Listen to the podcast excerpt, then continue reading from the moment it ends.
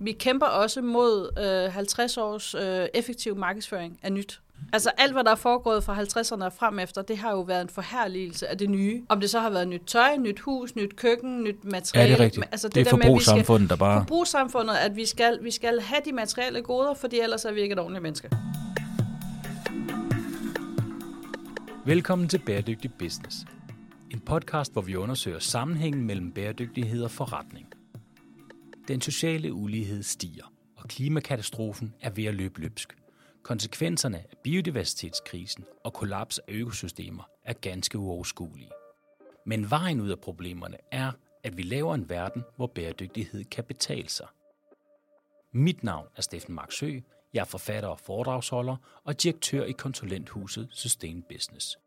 Jeg taler med førende eksperter om, hvordan bæredygtighed kan gøres til god forretning. Goddag, Lise Lyngfeldt Molander. Tak. Velkommen til Bæredygtig Business. Nice. Jeg har glædet mig helt vildt. Jamen, jeg har også glædet mig rigtig, rigtig meget. Øhm, det er jo sådan relativt tidligt om morgenen. Vi optager jo tidligt om morgenen i Vi er dag. i Jylland. Vi er i Jylland, og det er nemlig det. og jeg, det er det- når man er i København, hvilket jeg jo relativt ofte er, så møder før klokken 9, det er ikke nemt at få i, i bogen. Nej, det er det ikke. Det kan man sagtens. Og det må jeg godt sige som, som ærke Stenbros Københavner. Nemlig. Du er forretningschef for bæredygtighed, byggeri og anlæg ved Teknologisk Institut. Sådan, noget fin titel. Hvad Ja, kan, synes man, hvad kan man med sådan en? Jamen, det er jo faktisk også det, vi er lidt ved at finde ud af. Det er en, øh, en, en, en ny stilling ude på Teknologisk Institut. Der har ikke været sådan en før. Men det er jo et spørgsmål om at få, ligesom få kigget på, hvordan kan vi skabe noget mere forretning Ja. øh, og noget mere opmærksomhed omkring bæredygtighed, og hvad det er og hvad det ikke er. Altså, for, teknologisk er jo funderet i teknologi og i fakta og meget evidensbaseret, og vi skal ligesom have styr på det. Og det skal vi jo også, når det her kommer til bæredygtighed. Det er jo en rigtig, rigtig fin tilgang. Øh, Bæredygtighed er jo sådan et ord, der er gået lidt i inflation, men, men du kommer jo fra industrien af. Ja.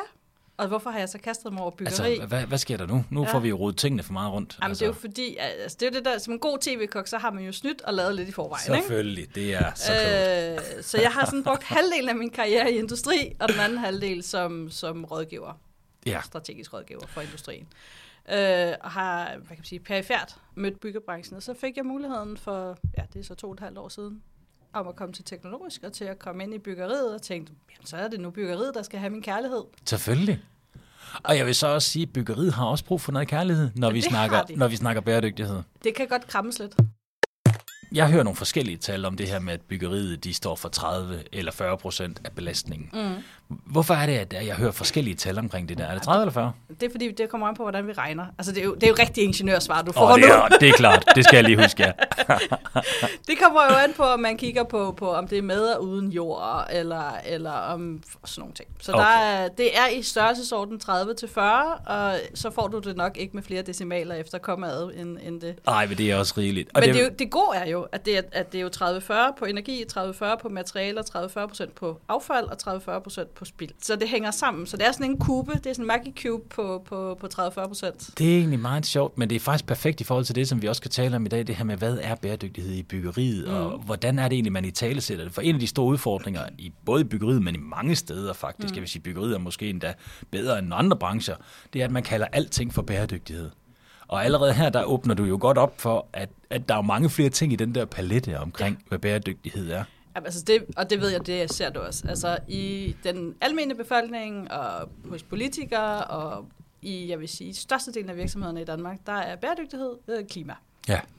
Det fylder bare rigtig meget. Det fylder rigtig meget, og det er også okay, men, men hvis vi ligesom folder hele paletten ud, så er klima jo desværre kun sådan en lille ært, plejer jeg at beskrive den som, Mm. mm. der ligger og triller sådan Mm. mm. nede i det der, der har med, med miljødelen af bæredygtighed at gøre. I virkeligheden så er det jo ikke en særlig stor ting Nej. i forhold til alt det andet, vi skal forholde os til.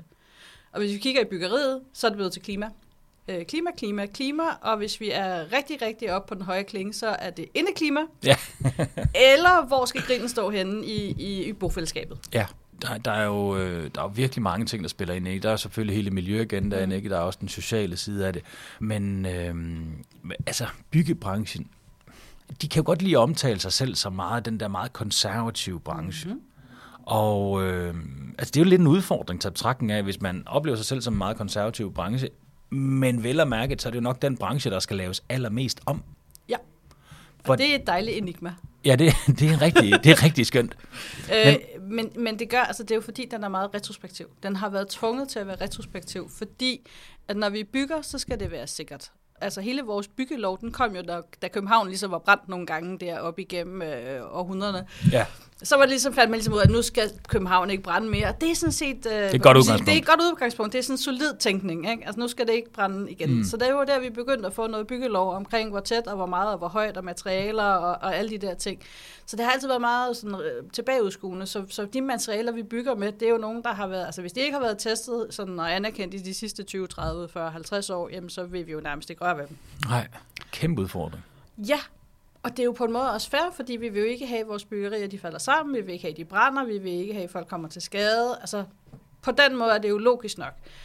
Øhm, men, men vi har brug for at vende skruen og begynde at kigge, og det, det betyder ikke, at vi skal tage en større risikovillighed, men, men vi skal begynde at sige, jamen er der nogle materialer, som man måske har bygget med andre steder i verden, eller har bygget med på, på testforsøg, og så sige, okay, vi bliver nødt til at implementere mere og mere det ind i vores almindelige byggeri.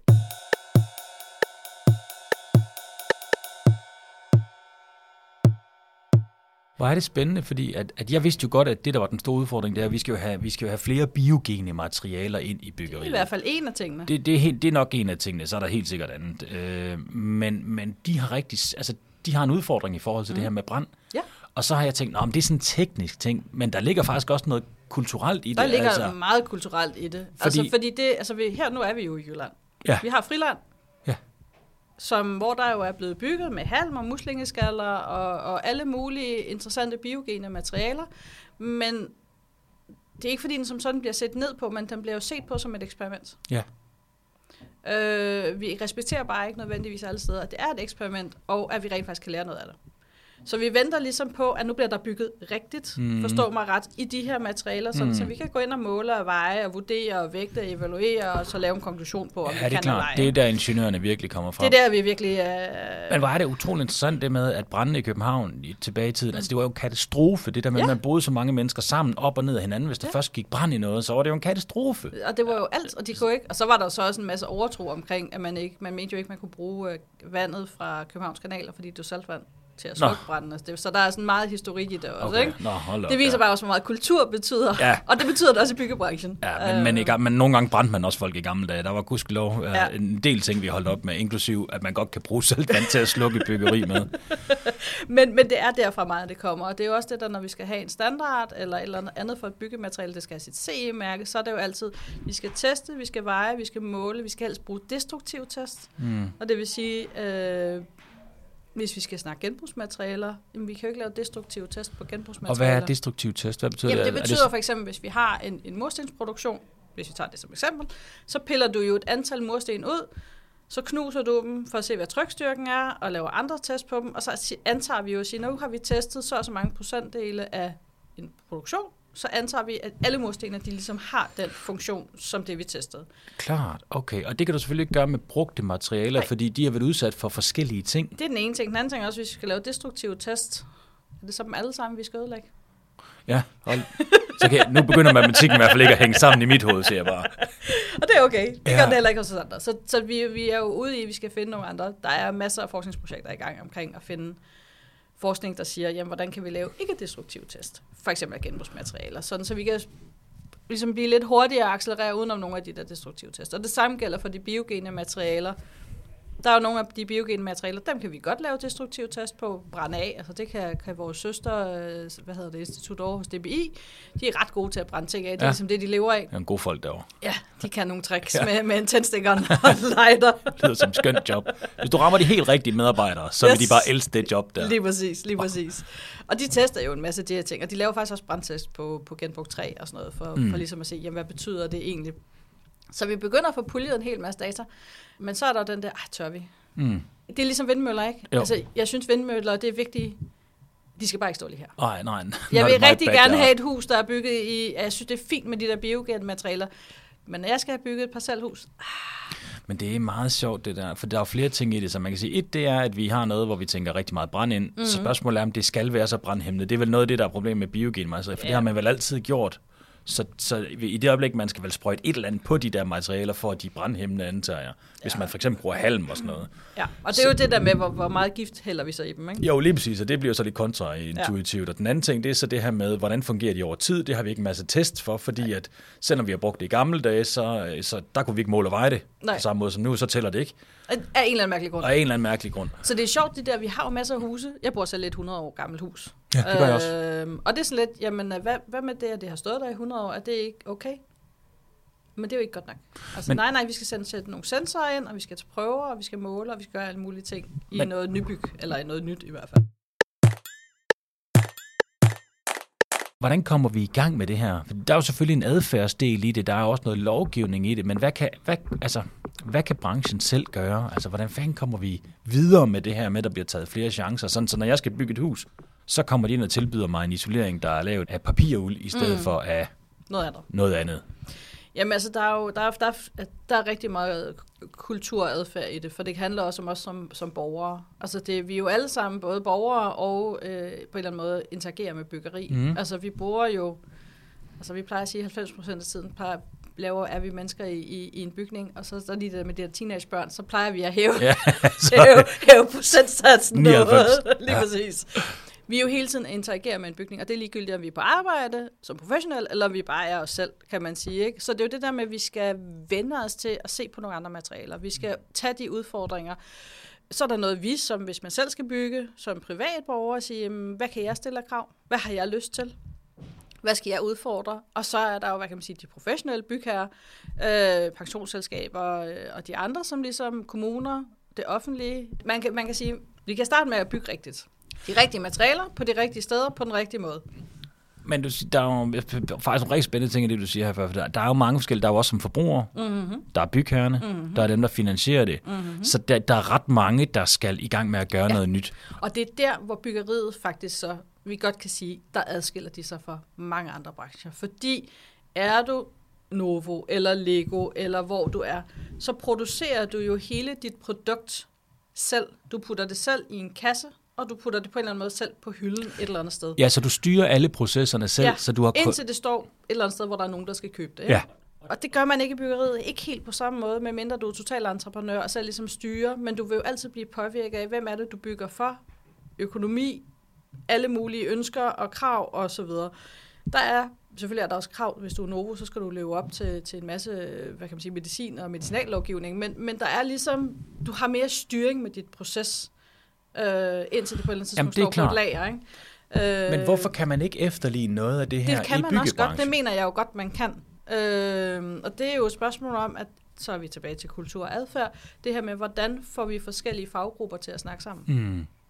Ja, fordi Øh, det er jo der, byggebranchen har det en tendens til at omtale sig selv som konservativ. Ja, Altså, det er vel også en selvforståelse, som bliver selvforstærkende. det er det i den grad. Og der er også det der med, at den er ekstremt siloopdelt. Ja. Altså det der med, at først så, så er der en bygherre, der beder at skal have tegnet et eller andet hos en arkitekt, for eksempel.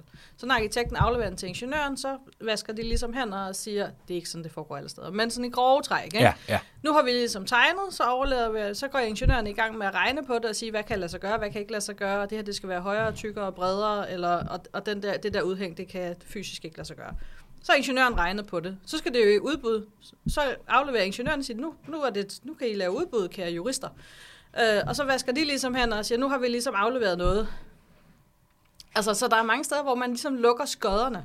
Nå, så det vil sige, så har vi en faggruppe, de afleverer det, så er der nogle andre, der piller i det. Ja. Og så den første faggruppe siger, ja, nu, nu er der jo andre pillet Ja. i det, nu må... Ja. Og så, ja, okay, det kan jeg godt se. Så, Så, så det kan godt være, at projektet, når, når det så ender ude, og der er en, der har vundet det, ja, at det måske ikke ser sådan ud, som vi startede. Nej, okay. Øh, hverken visionært eller, eller, eller efter beregninger. Og så der bliver der jo skåret, og så bliver der jo skåret hjørner. En branche, som ikke er så god til det der bundlinje-koncept.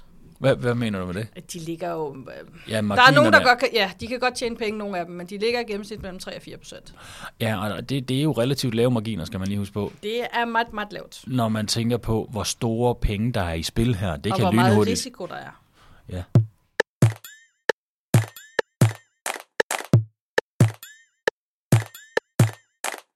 Men, men noget andet, nu snakker vi om, om udfordringerne i byggebranchen i forhold til bæredygtighed, men der er jo også kæmpe store spildudfordringer ja. I forhold til, altså, at der bliver der bliver smidt ekstremt meget øh, øh, materiale ud, så er der noget isolering, der bliver vådt, så det gider man ikke øh, bøvle med. Og, Tommelfingerreglen, øh, sådan, og det her det er jo igen skåret over en kamp, det er, at, at det er sådan faktor 4, vi overforbruger. ej, det, det, det et kan ikke være. Altså, at det er en snit. fjerdedel, man i snit Ja. bruger, altså man overforbruger på materialesiden. Det er jo fuldstændig vanvittigt. Og det er mange, altså det er jo alt netop det der med, at du fejlopbevarer, så det bliver vådt. Så kan, så kan man tage to valg ind, så bygger du det ind vådt. Det er ikke så godt. Ellers så smider du det ud. Ikke? Altså, så der, men der er sådan en, en... Der er rigtig mange, der ikke er ligeglade, så jeg håber ikke, at de bliver ked af det, når jeg siger det nu. Men der er også en ligegyldighed derude, som er sådan, jamen, hvad skal jeg gøre? Mm. Altså, hvad skal jeg som håndværker, eller hvad, hvad skal jeg som byggeleder ja. Gøre i den her kæmpe store maskine? Ja. Så det her, det ikke sker. Og, og, og Kæmpe der, udfordring. Det er en kæmpe udfordring, ikke? Altså- Og hvis jeg må tilføje, så er der også den udfordring ved det, at, ved at, at så er der måske lige noget isolering i overskud. Ikke? Og hvis du putter det ind og bøvler ekstra meget med at få det mm. ind i byggeriet, men det bliver jo ikke målt af vejet sådan rigtigt. Så du, Nej, du, du får får ikke du får ikke den der feedback-bonus-oplevelse af, at du har gjort det godt. Det, det er bare sådan forsvundet lidt op i, i du luften. snakker med gamle håndværksmestre, som er 50-55 plus, specielt i tømmerbranchen, jamen, de, har jo, de er jo vokset op med alt over en meter, det tager man med hjem. Ja, Og så har man sit eget lille lager ja, af diverse træstumper og lister og spær og alt muligt. ja. Det er der jo ingen, der kan finde på i dag. Nej. Det er for billigt. Det er især dem mellem 35 og 45, som, som jo lidt er min egen øh, årgang.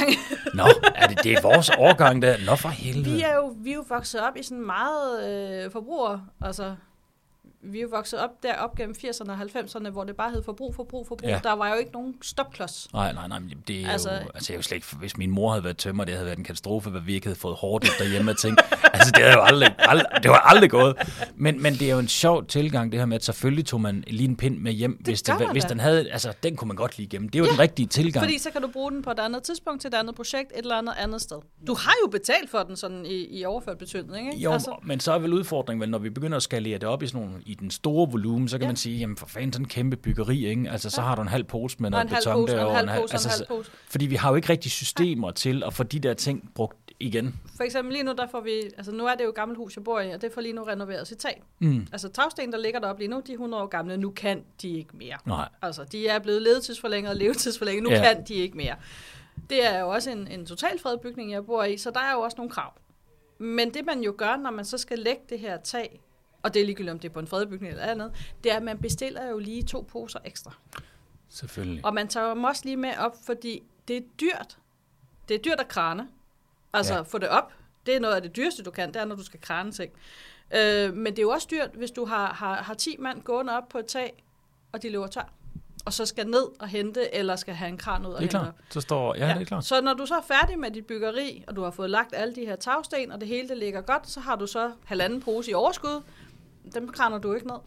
Nej, det gør man De helt sikkert ned i slisken, ned i, i affaldscontaineren. Ja. På trods af, at de ikke fejler noget som helst. Det er i hvert fald sådan, det sker mange steder. Men det er jo, jamen, prøv, vi taler jo totalt generelle vendinger, ja. Så, så det, det nogen, øh, altså, og det er jo ikke ond vilje nødvendigvis, Ej. men når vi lever i en verden med klima- og biodiversitetskrise, mm. og vi alle sammen leder med lys og lygte efter, hvordan vi kan optimere, Ja. så er det i hvert fald en rigtig god idé, at vi bruger det, vi har. Så, Ja. langt, kan jeg da, så langt kan jeg da regne. Men der er nogle incitamentstrukturer, som vi bliver nødt til, også i byggeriet, at ændre. Altså, ja. det er... Ja, for hvad kan man gøre i byggeriet selv? Fordi lovgivningsmæssigt, der er det klart, der kan man jo skrue afgifterne op på materialer, så materialer får en højere værdi, og så på Altså, må ned... jeg godt komme med min egen drømmescenarie nu? Ja, kom, kom. Du, nu spiller du ud med det, du synes er en god idé.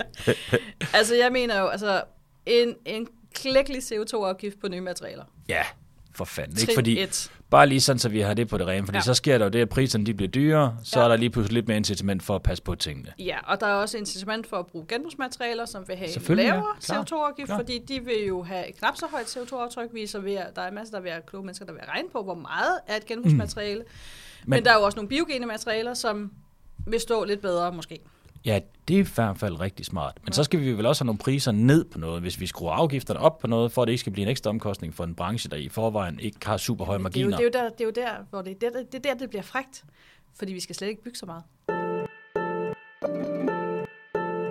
Nu, nu stiller jeg lige spørgsmål. Nu ved jeg godt, det er ellers er en podcast, hvor jeg skal snakke og svare på dine spørgsmål. Nå, nu stiller jeg... må må jeg godt? Du må Ej, hvor dejligt.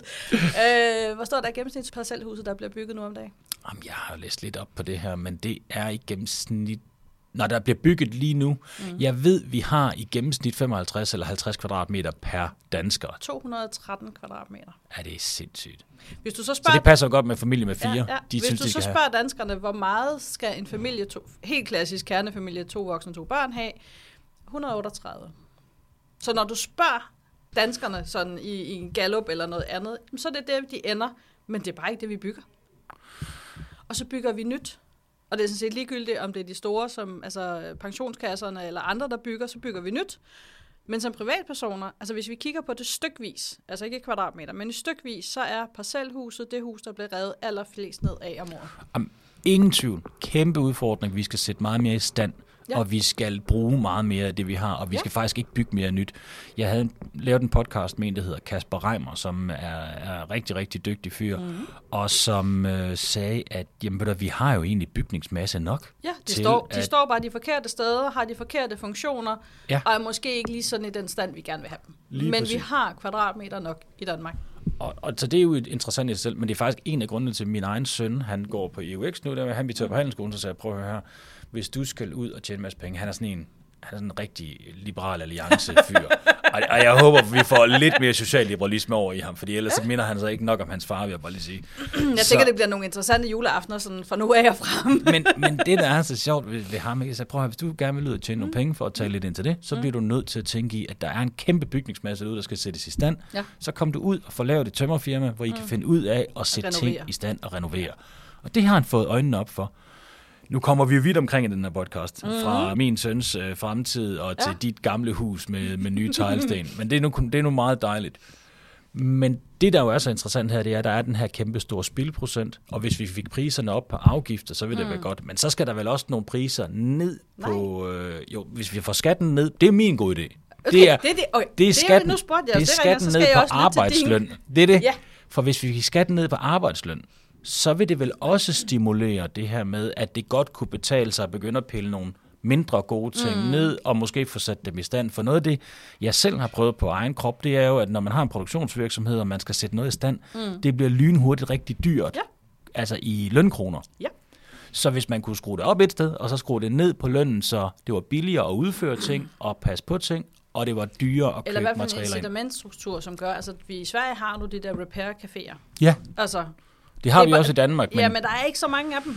Nej, øh, og de er rigtig meget i, omkring Vesterbro på i København. Ja, og de har faktisk fjernet momsen. Og det hjælper lidt. Ja, det hjælper jo lidt. Men der skal også oplyses meget mere om det, altså den der right to repair.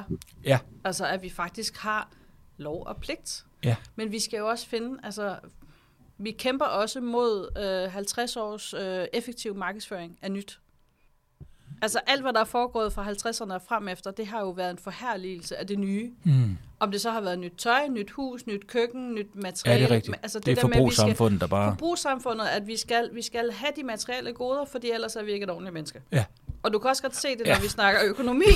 Øh, men men det, vi skal jo have forbruget ned. Ja. Det er jo der, hvor vi har vores... Og det gælder også på vores byggeri. Ja. Altså, vi bliver nødt til at få forbruget ned. Og hvordan vi gør det, altså det er jo... Altså, enten så kan vi tjene nogle færre penge. Oh, den er farlig, Ja, den, det kan folk ikke lide. Nej, og det er så også okay. Øh, men så måske vi skal, vi skal finde en glæde i det genbrugte. Vi skal finde en glæde i, i, i god kvalitet. Mm. Mhm. Vi skal finde en glæde i, at vi bor i et gammelt hus, som vi mm. Mhm. nøser og renoverer, og som vi gør lækkert igen. Hele den der del med forbrug er jo så interessant. Altså det, det er jo klart noget af det, der skal ned. Det er jo derfor, det er så spændende at tale om, hvordan kan man så optimere en branche. Mm. Fordi der er jo ikke nogen, der får glæde af, at 25 procent af det, der bliver smidt ud, at det, altså, at det materialer, bliver produceret, som bare bliver smidt ud. Nej, Altså det, det er kun producenterne af de her materialer, der får noget ud af det. Mm. Så der kunne man jo starte med at optimere. Hvorfor er det så svært? Altså, kan man ikke tage nogle lean-principper fra, øh, fra... Kan vi ikke bare tage en Toyota lean-model, og så bare møve den ned over byggebranchen? Altså, det er dejligt at sidde og være ignorant på sidelinjen, Ja. og ikke vide, hvad man snakker om. men Kan det er okay. Det skal vi også have lov til at være en gang imellem. Jamen, kan man ikke gøre det? Fordi Det altså, godt. er det så svært at strømline den byggebranche? Nej. Altså, det, det vil jeg sige, det er det ikke. Og så vil jeg godt lige nu, der sidder der en hel byggebranche. Jamen, Nu sidder de hver- tager sig til hovedet. Ja, og tænker, en hver byggeplads, den er jo unik. Altså, den har jo sin egne unikke Ja. ja. lille... Ja, ja, men det har produktionsvirksomheder altså også. Mm. Jeg kommer fra recyclingbranchen. Uh, inden jeg trådte ind i byg, øh, der vidste vi jo ikke, hvad der kom ind over vægten. Sådan cirka. Men, men der kan vi jo godt køre lean. Altså, Mhm. så du kan godt køre lean på en proces, hvor du ikke rigtig ved, hvad du har og ved, hvad du får. Det er bare et spørgsmål om at have nogle, altså at principperne er, er solidt øh, funderet, og de er implementeret, og folk rent faktisk efterlever dem. Men er det her ikke en kæmpe mulighed? Det er så vel at mærke for dem med meget dybe lommer, men de findes jo også i byggebranchen. Ja. Øh, at de simpelthen går ind og ejer en større del af værdikæden, og så øh, siger vi, prøv her, fordi det jeg hører dig sige her, det er jo, at, at når den er så fragmenteret hele den værdikæde af de forskellige spillere, der kommer ind, så får du styr på det hele, så får du din egen arkitekt og din egen det ene og det andet. Og det er jo også det, vi ser. Vi ser jo en konsolidering i, i rådgiverbranchen. Altså de store rådgivere ja. køber jo arkitektfirmaer og store rådgivere ja. øh, i et væk, kan ja. man sige. Ikke? Ja. Øh, men, men, men der er også noget i, i bare den måde, vi, vi, vi kigger på. Altså, jeg, en ting, jeg ikke forstår, det er, hvorfor skal det gå så hurtigt i byggebranchen? Nå, bygge, hvorfor det skal gå så hurtigt, når man bygger? Ja, altså, og det ved jeg jo godt, det er, fordi der er nogle penge i den anden ende. Ja. Altså, der, altså for hver uge, vi er forsinket, så er der jo nogle investorer i den anden ende, der ikke får sine penge. Ja, det er fordi klart. vi tjener jo først penge, når byggeriet står der. Ja. Men ofte så har de her byggerier jo været 3, 4, 5, 6, 10 år undervejs. Så betyder det, altså betyder byggefa- den sidste byggefase, betyder den virkelig så meget?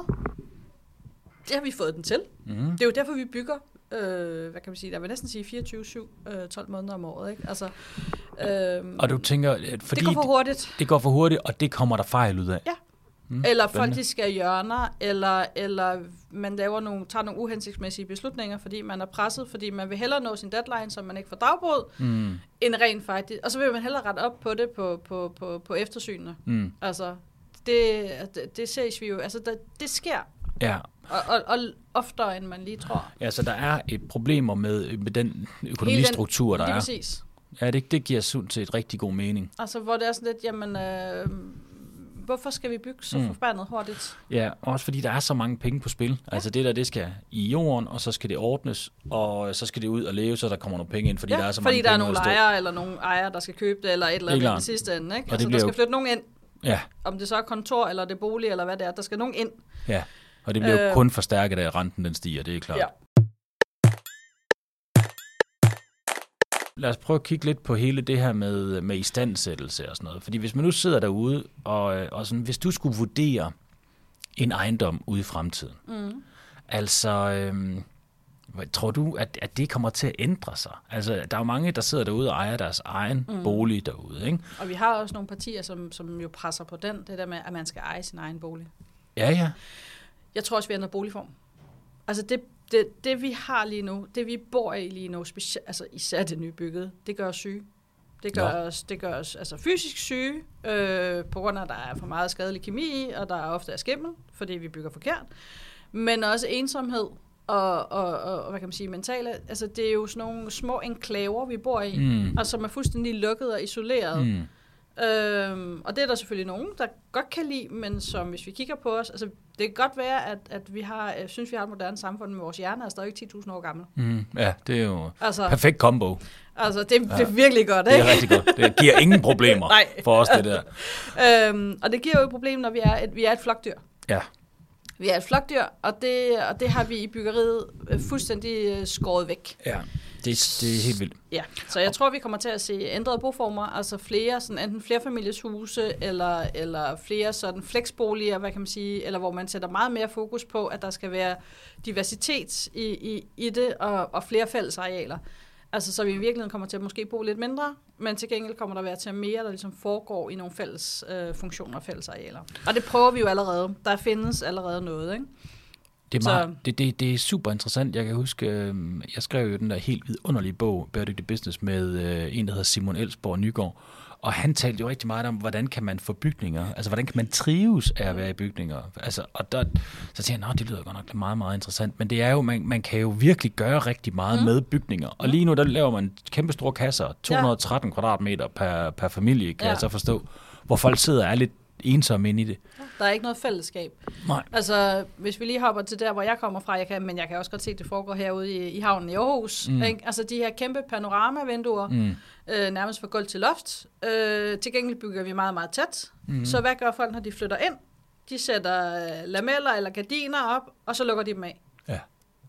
Fordi at, at, at du kan jo nærmest, altså du kan jo nærmest bare række hånden ud af vinduet, og så kan du få den der kop sukker fra din, fra din naboen på den anden side af vejen. Ikke? Ja, altså, eller dem, der går derude, fordi Ja, de går en tur. lige præcis. Og de er ikke? faktisk ubehagelige, både for dem, der sidder inde i og, og, akvariet, og dem, der, og går dem, der sidder ude. udenfor. Ikke? Ja, det er, det er ikke, altså det er jo ikke super fedt. Men, men det, der, det der, altså, der nok er svært, det er, at der er så mange ting her, man ja. gerne vil lave om. Og Ja. der er nogle strukturer, der går imod det. Ja, altså, men det er, jo det, det er også det der med, at vi bygger jo det, som der gerne vil, altså vi bygger det, som, som markedet lige nu dikterer. Så hvis det lige nu er meget, øh, hvis det er det, vi kan sælge, det er, øh, hvad kan man sige, tre værelser, 90 kvadratmeter, Mm. jamen så er det jo det, der skyder op over det hele. Altså vi er meget, meget dårlige i Danmark til byplanlægning. Altså sådan virkelig holistisk byplanlægning. Og der kan vi kigge til Sverige, og det er ikke fordi, de har... Er de bedre til det? I hvert fald i nogle områder. Okay. Øh, hvor de ligesom allerede fra starten siger, okay, der skal være noget, noget, noget rækkehus i to forskellige, to forskellige størrelser. Der skal være noget etageejendom. Øh, ikke nødvendigvis 15 etager, men med noget op. Igen, forskellige størrelser. Vi skal sikre, at øh, der er for eksempel elevatorer, så vi kan få handicappede eller ældre eller andet øh, til at bo der. Sådan sådan, fordi det der jo typisk sker, det er, at, at man, man kan godt blive utrolig glad for at bo i et område Mm. men du har ikke nogen, når du så får måske barn nummer et, eller måske skal have barn nummer to, du kan ikke flytte, du kan ikke blive i området. Fordi hvis alle de lejligheder, der er der, og det kun er lejligheder, og de alle sammen er tre værelser, 90 selvfølgelig. kvadratmeter, så bliver du nødt til at søge væk. Ja, okay, det er klart. Det er en udfordring. Så hvis du gerne vil blive Og det er jo også en boende, homogenisering af området, lige ikke? præcis, ja. du får rent faktisk etableret et, et byområde hurtigere. Altså Ørestad virker jo ikke. Face it, altså i Okay. København. Altså, det, det kommer aldrig til at virke med Nej. den måde, det er bygget på. Ikke? Nej, jeg prøver at Øh, uddybe lidt det for, for alle os oceaner. Eller så. Jamen, det er blevet, og, og, det er blevet sådan et, et, et altså nu er vi i Jylland, så nu, nu kommer københavneren virkelig på, Det- øh, det er blevet sådan et jydetransitområde. Okay, det, det skal jeg nok prøve at lade være til, til super personligt. For, Nej, men det her med, jamen det, der står København S, Ja, så hvis man flytter over, og ikke lige sådan, så, jamen så køber man noget derude, eller hopper ind der, og så går der ikke så langt. Det er sådan et, der er altid til salgsskilte. Nå, og så opdager man, det fungerer ikke herude. Det fungerer og ikke hvad er herude. det, der gør, det ikke fungerer? Jamen, øh, der er ikke noget liv. Altså, jeg kan huske for mange år siden, da øh, politikken skrev, politikens madanmelder, der kom en, en restaurant uden for Fields, som jo er sådan krumtrappen derude, Ja. som var en bagelshop, der lå på et hjørne, ikke? Ja. Og den var tungt ironi, og sarkasme kunne det forekomme i artiklerne? Ja. Men der er jo ikke noget liv.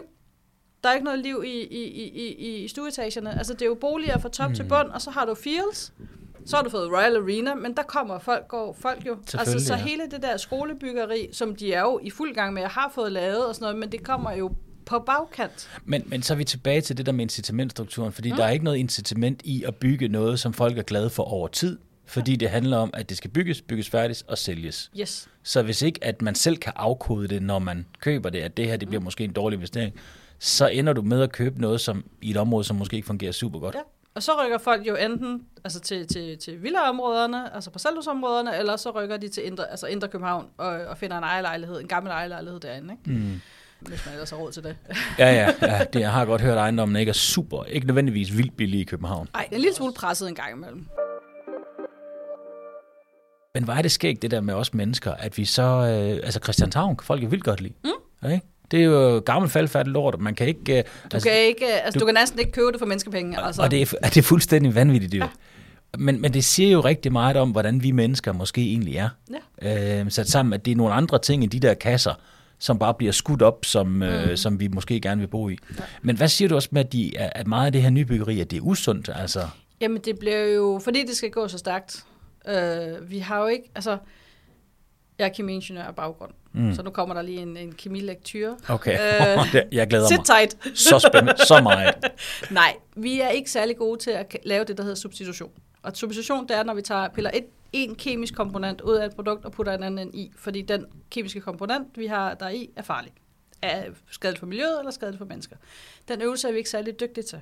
Okay. Fordi vi finder jo ofte ud af, at noget er farligt, fordi det er blevet testet, det kommer op i en volumen, hvor vi bruger det, vi begynder at kan se skaderne, og vi kan begynde at se, at det, det er måske ikke så godt, og der bliver lavet en hel masse både, øh, hvad kan man sige, dyreforsøg og kemiske forsøg og alt muligt andet. Og så substituerer vi ofte med et knap så undersøgt materiale, Ah. som har lidt de samme egenskaber.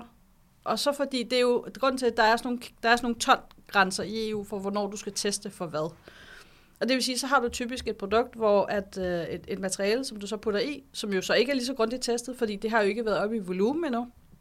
Det kommer så op i volumen, og trylle, trylle, trylle, så finder vi så ud af, at det også er skadeligt. Altså, så vi, og det er jo meget typisk, at sådan, du har noget kemi, som har de samme egenskaber, blødgøre, eller det smører, eller det gør noget, altså, så ligner det nok også hinanden Selvfølgelig. men, på, men, på, på sådan toksisk men hvordan kan man have den risikovillighed? Og der er ulempen med byggeriet, det er, det, der, altså selvom vi river bygninger ned øh, i et væk, så øh, står det, der er jo nogle af dem, der står der længe. Ja. Så vi har været rigtig gode i, i byggeriet, og fordi de står så længe, altså vi har jo stadigvæk asbest. Ja. Det kan Trods af, at vi har vidst i mange år, at det skulle væk. Jeg og at det ikke er særlig øh, godt. Ja, ja, ja. Jo og, og noget, der hedder itanitten. Ja. Øh, De, tager, de findes der i bedste velgående Ja. lige nu. Jeg der synes, da jeg var barn, og øh, i vuggestue, så var vuggestuen lukket ned, fordi man skulle fjerne det der det, asbestloft. det, det havde jeg også med, med den folkeskole, jeg gik på. Ja. Altså, der skulle de også lige pludselig fjerne asbestlofterne. Ja, men, og, og det er jo fantastisk asbest, fordi det holder sig godt. Det er bare uheldigt, at man dør en lille bitte smule af det, når man piller det fra hinanden, ikke? Yep. Det er ikke så godt. Og jeg vil sige, nu jeg har kendt en, som er, som, som, hvor jeg har set øh, en, en gammel kollega, og det, det er ikke kønt. Nej, det er det ikke. godt Nej, det er det ikke. Min far Øh, døde faktisk også af noget lignende, kombineret ja. med rigtig meget alkohol. Ja, men, en men, men det er bare for at sige lige præcis, lige præcis øh, asbestose. Ja. Øh, det er ikke en, en, en sød kraftform. Men det er vel igen bare et rigtig godt argument for de biogene materialer. Men så er der også en interessant ting, fordi så tænker vi, okay, det skal være naturligt. Så er vi tilbage til, nu, nu kredser vi faktisk tilbage til bæredygtighed i den her misforståede kontekst. Ikke? Så hvis noget er naturligt, og hvis det så også er økologisk, Ja. Så er det Så er det godt. Så er det rigtig godt. Så er det rigtig godt. Ja. Så vi vil gerne også putte rigtig meget, altså råt træ og så Ja. linolie. Råtræ og linolie, kan ja, det men, ikke... øh, nej, altså fordi det er jo det der med, hvad er det så, der afgasser? Faktisk så har der jo, altså naturen har også masser af, af skadelig kemi. Altså Ja, ja. arsen er meget naturligt og meget giftigt, ikke? Ja. ja, så godt. Så er vi alle sammen med. Ikke? Øh, men, men træ afgiver også øh, rigtig meget af det, der hedder for eksempel VOC'er, som, som er sådan nogle volatile organiske komponenter, som, som ikke er super godt. Altså de kan give allergi, og de kan give luftirritationer. Og, Ja, så træ skal også nå afgas. Ja, Ja, jamen, og hvis du så smører sådan en, en god linolie på, ja, så har du bare, forlænger du perioden, og, og så har der jo været sådan en tendens til, jo mere øh, ubehandlet den her, for eksempel linolie er, jo bedre. Altså fordi så er vi tilbage til sådan det rigtige naturligt, ikke? og i virkeligheden så gør det indeklimaet meget værre. det er... Tænk på, hvor meget man skal vide, Ja. for det er, at man kan, øh, kan lave sådan, altså kan undgå alle de her mange fejl. Ja, men og, og, og så er vi jo også sådan, altså det er jo også det der med, så kommer der jo trends. Ikke? Nu skal man have sådan en køkkenbord med sådan en vandfaldseffekt, hvor det ligesom går ned over kanten, så vi jo så får ekstra meget træ. Nå, ja, Så vi øger jo overfladen af tror træ. jeg faktisk, tror jeg faktisk vi har. Du skal hjem med en sav. Ja, og hvad er problemet med det? Jamen, så får vi bare mere træ ind, Nå, det er og klart. det kan jo så godt afgasse. Så, så det, det ja, ja. handler i og vi virkeligheden... bruger så- måske også mere træ, end vi behøver at bruge, jo, kan man Jamen, det sige. er jo det der med, at vi skal bruge de rigtige materialer de rigtige steder. Mm. Så vi skal bruge træ de steder, hvor det giver mening, i konstruktionen, i, øh, i, og selvfølgelig også lakbehandlet og, og alle mulige andre ting. Men, men, men øh, fundamentet, det skal vi nok stadigvæk have i noget, enten noget beton eller noget lærstampet jord. Eller, altså, vi skal virkelig tænke os om, og så er der også det her med, jamen, øh, jeg havde en god snak med en kollega i går, hvor, hvor han siger, at vi skal også i virkeligheden til at kigge på, øh, hvad hedder det, verdenshjørnerne. Det Verdenshjørnerne, Ja, hvorfor det her med, jamen, hvor får det mest sol? Hvor kommer der mest slagregn i klimaforandringen? Ikke? Altså, hvor kommer der vandstandsstigninger? Hvor kommer der... Og så skal vi jo bygge... Så kan det godt være, hvis vi nu bliver i parcelhuset, at din, din nordvendte facade, at det bliver i et materiale. Og så kan det godt være, at den sydvendte facade, det bliver andet materiale, fordi den skal ligesom tåle noget sol og noget alt muligt andet. Og så kan det godt være, at den mod vest, hvor der oftest kommer meget regn, jamen det bliver den tredje materiale. Men så kan man altså også sige, hvis, hvis man skal tænke så mange nye ting ind, mm. Og man bare allerede nu kører med omkring 25 procent spild på materialesiden, mm. altså så skal der da virkelig også ske noget i byggebranchen. Det skal der. Men de bliver altså også presset rigtig, rigtig meget lige nu. Der er Ja. også nogle fede initiativer i gang med, mm. at, at man skal bygge for markant mindre end de her 12 kilo CO2-ekvivalenter mm. per kvadratmeter per år. Det er jo som er. jordens største selvmål i ua- være uambitiøst. Ja, men er det ikke alligevel spændende, at bare fordi man satte den bar, nu er diskussionen jo så i gang, ikke? At Jo, sige, jo, nu få den længere ned. og få den længere ned. Så det, mm. det altså, jeg troede jo, fordi jeg ikke ved så meget om byggebranchen, så da jeg hørte, at der var et loft på, så tænkte jeg, hold kæft, det er da skide godt. Så bliver man lidt skuffet, når man så hører, at alle kan jo nærmest bygge inden for, for Mm. 12 kilo. Men pointen er jo nok også, at det man prøver her, det er at sige til folk, I kan alle sammen være med. Jeres opgave lige nu, det er at skaffe data, så I kan dokumentere. Enig. Fordi så kan man komme i gang med at skrue. Ja.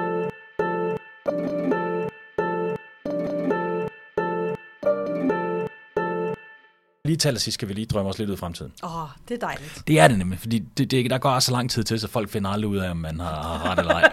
og man kan jo selv, hvis man har ret, kan man jo bare gå tilbage og finde det, og så kan man nævne det for folk. Hvis ja. man tager fejl, så behøver man jo ikke gøre det. Nej.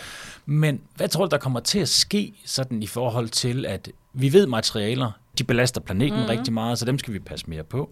Vi ved, der kun er de kvadratmeter, der nu engang er, og vi lever i et land som Danmark, hvor vi mm. ejer kvadratmeterne, mm.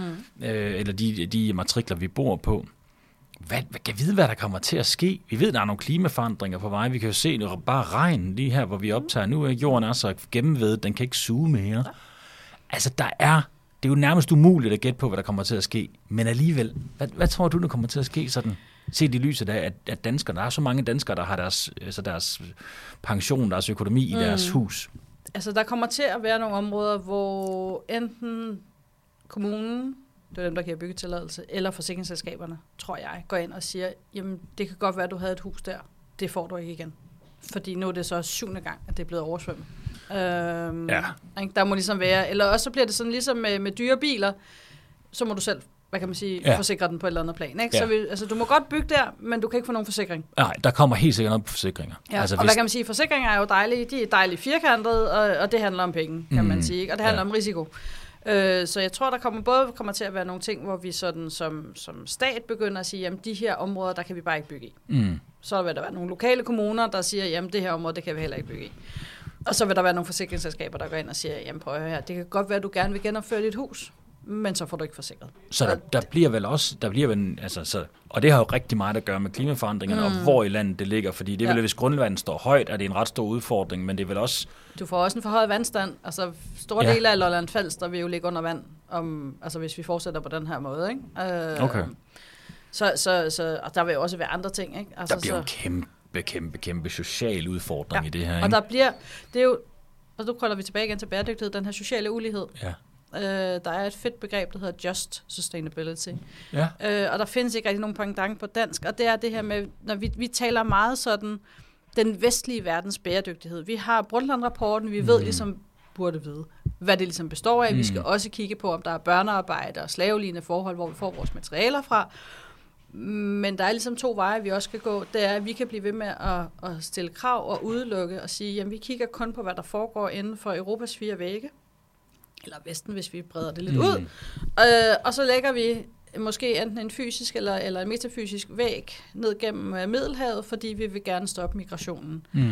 Øh, vi er ikke særlig gode til at give en premium til ligesom at sige, jamen kære et eller andet, når du nu laver det her materiale, og vi vil gerne have den her ekstra dokumentation, og du skal også lige sørge for, at klimaaftrykket er lavt, og du skal også lige sørge for, at du har øh, styr på din værdikæde, du skal lige sørge for, at der ikke er nogen børn, der arbejder der, og alle skal have, have ret til A, B og C, øh, men vi vil ikke betale mere for dit materiale.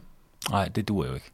Altså, så, så, så der kommer til, hvis vi ikke tænker, altså det kommer an på, om vi kun tænker vores egen baghave, mm. eventuelt udvidet til og med Europa, eller vi rent faktisk tænker sådan globalt, planetært, også ja. på den sociale side. Ja, og der er vi jo tilbage til den der stenalderhjerne har lidt svært ved at sympatisere ja. med folk, der er lidt længere væk. Ja. Det, det er mest en selv, og så ens flok. Ja. Og derfra, altså, så, så er vi udfordret nok på hele det der princip med at betale skat. Det har vi dog nu alligevel vendt os til. Mm. Men skal man også til at tage ansvar for, noget af det, vi faktisk påvirker rigtig negativt, det er mm. jo det globale syd, ja. så kan det godt gå hen og blive svært. Men det er klart noget, der skal findes frem til, så det hele hænger jo sammen. Jamen, altså prøv at tænke på, altså mit yndlings harceleringseksempel, det var jo det forgangne VM i fodbold. Ikke? Mm. Vores danskernes favoritsport, det er lidt svært at sidde her som, som en, der ikke ser fodbold. Ikke? Ja. Men, men danskernes favoritsport, ikke? og alle, ah, det er også for dårligt, og vi skal jo også lave et statement, og, og det er også for dårligt, vi lægger uh, VM's nogle steder. Og, og ja, med, det var, det, det var i det var øh, Dubai. Dubai der sidst, ja. Ja, ikke? og det er bare sådan, ikke? så laver vi køling på banen, fordi ellers kan de ikke spille, og vi flytter det oven i købet to måneder, så der bliver lidt koldere, ikke? og vi ved, at der er måske 6.000 migrantarbejdere, der er døde undervejs. Ikke? Ja, ja, det er frygteligt. Og vi tager ikke stilling. Vi ved, det sker. Ikke? Og det er det samme, når vi kommer til, til um, mineindustrien, eller vi snakker tekstilindustrien, eller vi snakker... Jamen, det er helt enig. Det, og det er fuldstændig rigtigt, og, det, og IT, alt muligt ja. andet, det er tonsvis af steder. Men det, man dog alligevel kan håbe på, og det er jeg faktisk meget optimistisk omkring, mm. det er, at når vi får den her meget højere grad af transparens, så vi rent faktisk ved, jamen når du køber noget, så har du de her lige lasten. Og nogle mm. gange så er det belastning på planeten, andre gange er det decideret lige lasten, mm. på grund af arbejdsforholdene er så dårlige. Men når vi begynder at få en større grad af transparens, så bliver det også nemmere at altså overbevise folk om, at de skal betale noget mere for mm. at få den rigtige løsning. Ja. Og så kunne man også håbe på, at den her transparens vil medføre, at vi løfter barn for, hvad vi vil tillade, der bliver solgt. Enig. Fordi at der er jo også nogle udfordringer der. Men og så alligevel, så kan vi se, altså selvom hvis vi spørger, altså den her med, jamen, hvor grøn er du, hvor klima betyder det noget, betyder arbejdsforholdene, der er altså en måde, den måde, vi svarer på, når vi bliver spurgt, og så en anden måde, den vi handler på. Jamen, lad du ikke mærke til, hvordan en god, positiv afslutning på podcasten, jeg lige havde lavet. Jo, og så og så, ødelægger og så jeg den ødelægger du den fuldstændig. fuldstændig. Men det er fordi, det er så fascinerende at se, Ja. øh, vi er tilbage igen til den her... Øh, Men det, det er meget den der, vi har så høje tanker om os selv, når vi. Ja. bliver spurgt omkring det. Og, og når det så kommer til praksis. Men, men det er jo igen, vi har en sten eller hjerne, som fungerer på en bestemt måde. Så det der med, at hvis ting er billige, det er dejligt. Hvis ting er nemme, det er også dejligt. Ja. Men det er jo derfor til syvende og sidst, så skal vi lave nogle løsninger, som er så gode, at de kan konkurrere med de dårlige løsninger. Enig. Og, og der har byggeriet altså rigtig meget at gøre. Fordi, altså hvis jeg top of mind, og nu ved jeg godt, jeg er jo en af de der klimatosser, som Pia Kærsgaard ikke helt kan dreje, men hvis jeg skulle have bygget et nyt hus, mm. så ville jeg have det smækfyldt med organiske materialer mm. og biogene materialer. Mm. Og det, altså, det er det, jeg har lyst til i mit liv. Ja. Og jeg tror, det kommer til at sætte sig i trenden. Altså, det er slet ikke tvivl om, at det gør på et tidspunkt. Så mit store forhåbning, det er, at vi kommer til at se en meget større grad af, af mobilisering af politiske forbrugere. Det tror jeg også. Det håber jeg. Altså, Det håber jeg nemlig jeg, også. jeg er jo hippie, datter af hippie, Ja. barnebarn af hippie. Lige, lige præcis, og det, det, er sådan noget, det løber jo lidt i blodet, det ja. Må man jo erkende. Men jeg er ikke i tvivl om, at, at det kommer til at blive moderne og have en holdning og gøre de rigtige ting. ja, og det kan Og- vi jo se i den unge kultur i dag. Nemlig. Og, De tager øhm, meget politisk øh, aktivt, øh, nogle aktive valg i forhold til, hvad de vil og hvad de ikke vil, og hvordan de vil det og hvordan de ikke vil det. Og vi voksne, vi har det bare at tage os sammen og få gjort noget ved det. Ikke? Der er i hvert fald noget gryne i gang mm. i forhold til de unge generationer. Men jeg har det også bare sådan, det kan vi jo faktisk heller ikke vente på. Og, og det, vi bliver også nødt til at tage os selv sammen. Mm. Og jeg kan mærke for mit eget vedkommende, altså bæredygtighed er jo gået fra at være noget, som var udelukkende omkring, altså, bæ- altså jeg er uddannet inden for området, ikke? jeg jo mm. både lidt pædagogik og Du, du, har, psykologi og sådan igen, noget. du, har, du har ligesom jeg snydt og øvet dig lidt i forhånd. på Ja, ja, så, så, det, og, så, så mit hjerte er jo også i bæredygtighed, men det har altid været ud fra forretningstilgangen. Mm. Men jeg vil sige, jeg kan også mærke tydeligt, at der er flere og flere nu, hvor det er, at bæredygtighed bliver et mål i sig selv. Ja. Og, øh, og det er fame sundt, men vi lever vel og mærket også i et samfund, hvor vi har rigtig meget økonomi og alle mulige andre ting. Så det er jo, det er jo altid nemt at, at dele og det ene og det andet, mm. når, når der er meget. Men lad os nu se, hvordan det kommer til at gå. Jeg er i hvert fald meget positivt indstillet, og jeg er 100% sikker på, at byggebranchen kommer til at spille en ret stor rolle i det her. Det skal de. Lise Molander, det var en fornøjelse at snakke tak. med dig. I lige måde. Tak fordi du lyttede til Bæredygtig Business. Find mig gerne på LinkedIn, hvis du vil netværke, eller hvis du har idéer til nye episoder. Ris og ros er også velkommen. Del meget gerne podcasten med dine venner, og husk at give os en god anmeldelse, så bliver vi så glade.